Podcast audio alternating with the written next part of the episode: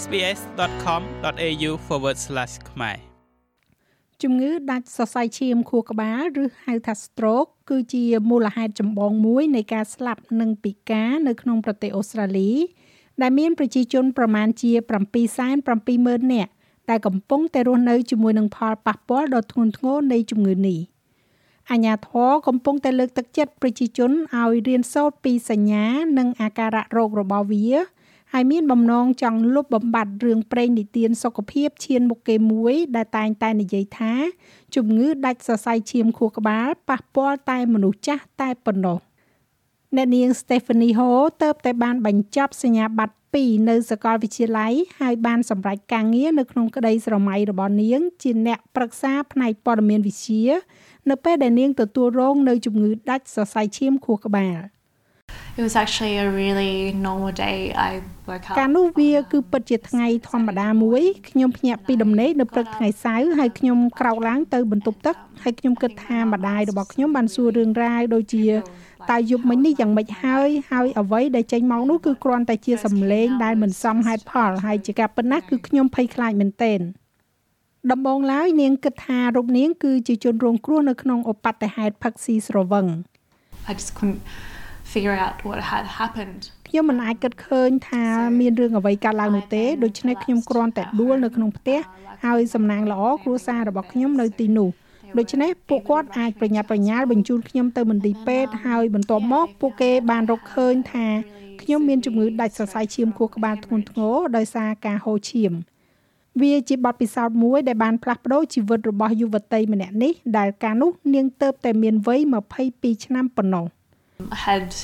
the world ahead of me and ខ្ញុំមានពិភពលោកនៅខាងមុខខ្ញុំហើយមិនដឹងថាមានរឿងអ្វីមួយប្រព្រឹត្តភ្នែកសោះខ្ញុំមើលឃើញមិនច្បាស់សោះខ្ញុំបានពិការភ្នែកមួយផ្នែករបស់ខ្ញុំខ្ញុំមិនអាចដើរបានឬក៏និយាយបានទៀតទេ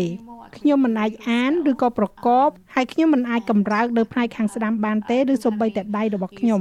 ដូច្នេះវាពិតជាចាប់ផ្ដើមពីចំណុច0ម្ដងទៀត។ លោកស្រី Lisa Murphy នាយកប្រតិបត្តិនៃមូលនិធិជំងឺដាច់សរសៃឈាមខួរក្បាលនិយាយថារឿងរ៉ាវរបស់អ្នកនាង Stephanie បង្ហាញពីវិសាលភាពដ៏ទូលំទូលាយនៃក្រុមអាយុដែលអាចរងផលប៉ះពាល់ដោយសារតែជំងឺដាច់សរសៃឈាមខួរក្បាលនេះ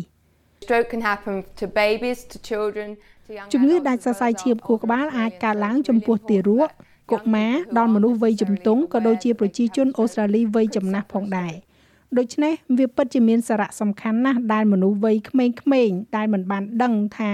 ពួកគេអាចមានជំងឺដាច់សរសៃឈាមខួរក្បាលហើយបានរងគ្រោះដោយសារតែជំងឺនេះកត្តាហានិភ័យនៃជំងឺដាច់សរសៃឈាមខួរក្បាលមានច្រើនដូចជា ការមានសម្ពាធឈាមខ្ពស់និងកូលេស្តេរ៉ុលមានជំងឺទឹកនោមផ្អែមប្រភេទទី2ការជក់បារីការសេពគ្រឿងស្រវឹងច្រើនពេកកង្វះសកម្មភាពរូបរាងកាយនិងរបបអាហារមិនល្អឡាក់ មូលនិធិនេះកំពុងតែលើកទឹកចិត្តប្រជាជនអូស្ត្រាលីឲ្យចែករំលែកសារដែលសរសេរជាអក្សរកាត់ថា FAST គឺ F A S T នៅពេលដែលនិយាយអំពីការកំណត់រោគសញ្ញានៃជំងឺដាច់សរសៃឈាមខួរក្បាល So F stands for face so if you see somebody's got a F គឺតំណាងឲ្យពាក្យថា face គឺផ្ទៃមុខដូច្នេះប្រសិនបើអ្នកឃើញនរណាម្នាក់ធ្លាក់មុខនោះជាសញ្ញាថាពួកគេប្រហែលជាមានជំងឺដាច់សរសៃឈាមខួរក្បាល A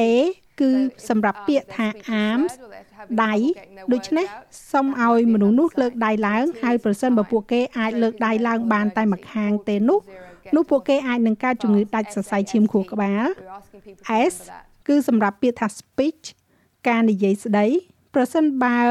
ការនិយាយរបស់ពួកគេមានភាពរដាក់រដប់ឬក៏ប្រសិនបើពួកគេមានបញ្ហាក្នុងការបញ្ចេញសំឡេងរបស់ពួកគេចេញមកនោះអាចជាសញ្ញាមួយផ្សេងទៀតហើយ T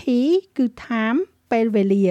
ជំងឺដាច់សរសៃឈាមខួរក្បាលគឺជាការសង្គ្រោះបន្ទាន់ផ្នែកវិទ្យាសាស្ត្រសូមហៅទៅលេខ03ដងហើយនាំអ្នកជំងឺទៅកាន់មន្ទីរពេទ្យឲ្យបានលឿនបំផុត ដូច្នេះយើងសូមឲ្យអ្នកទាំងអស់គ្នាចងចាំនៅពាក្យថា fast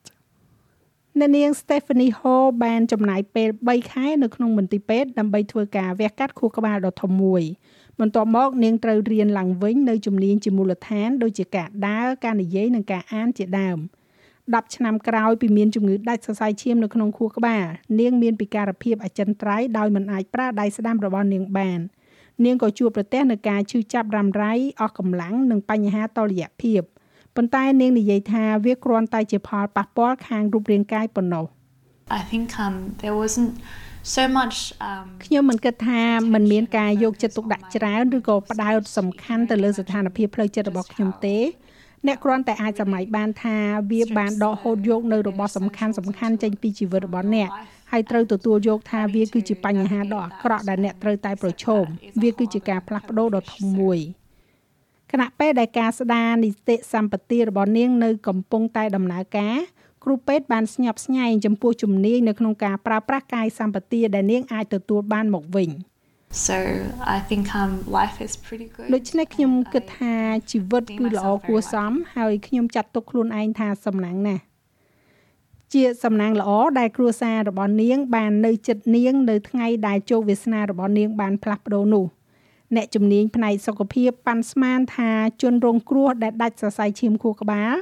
បាត់បង់កោសិកាខួរក្បាលចំនួន1លាន9សែនកោសិកានៅរៀងរាល់នាទីដែលមិនបានទទួលការព្យាបាលពីគ្រូពេទ្យ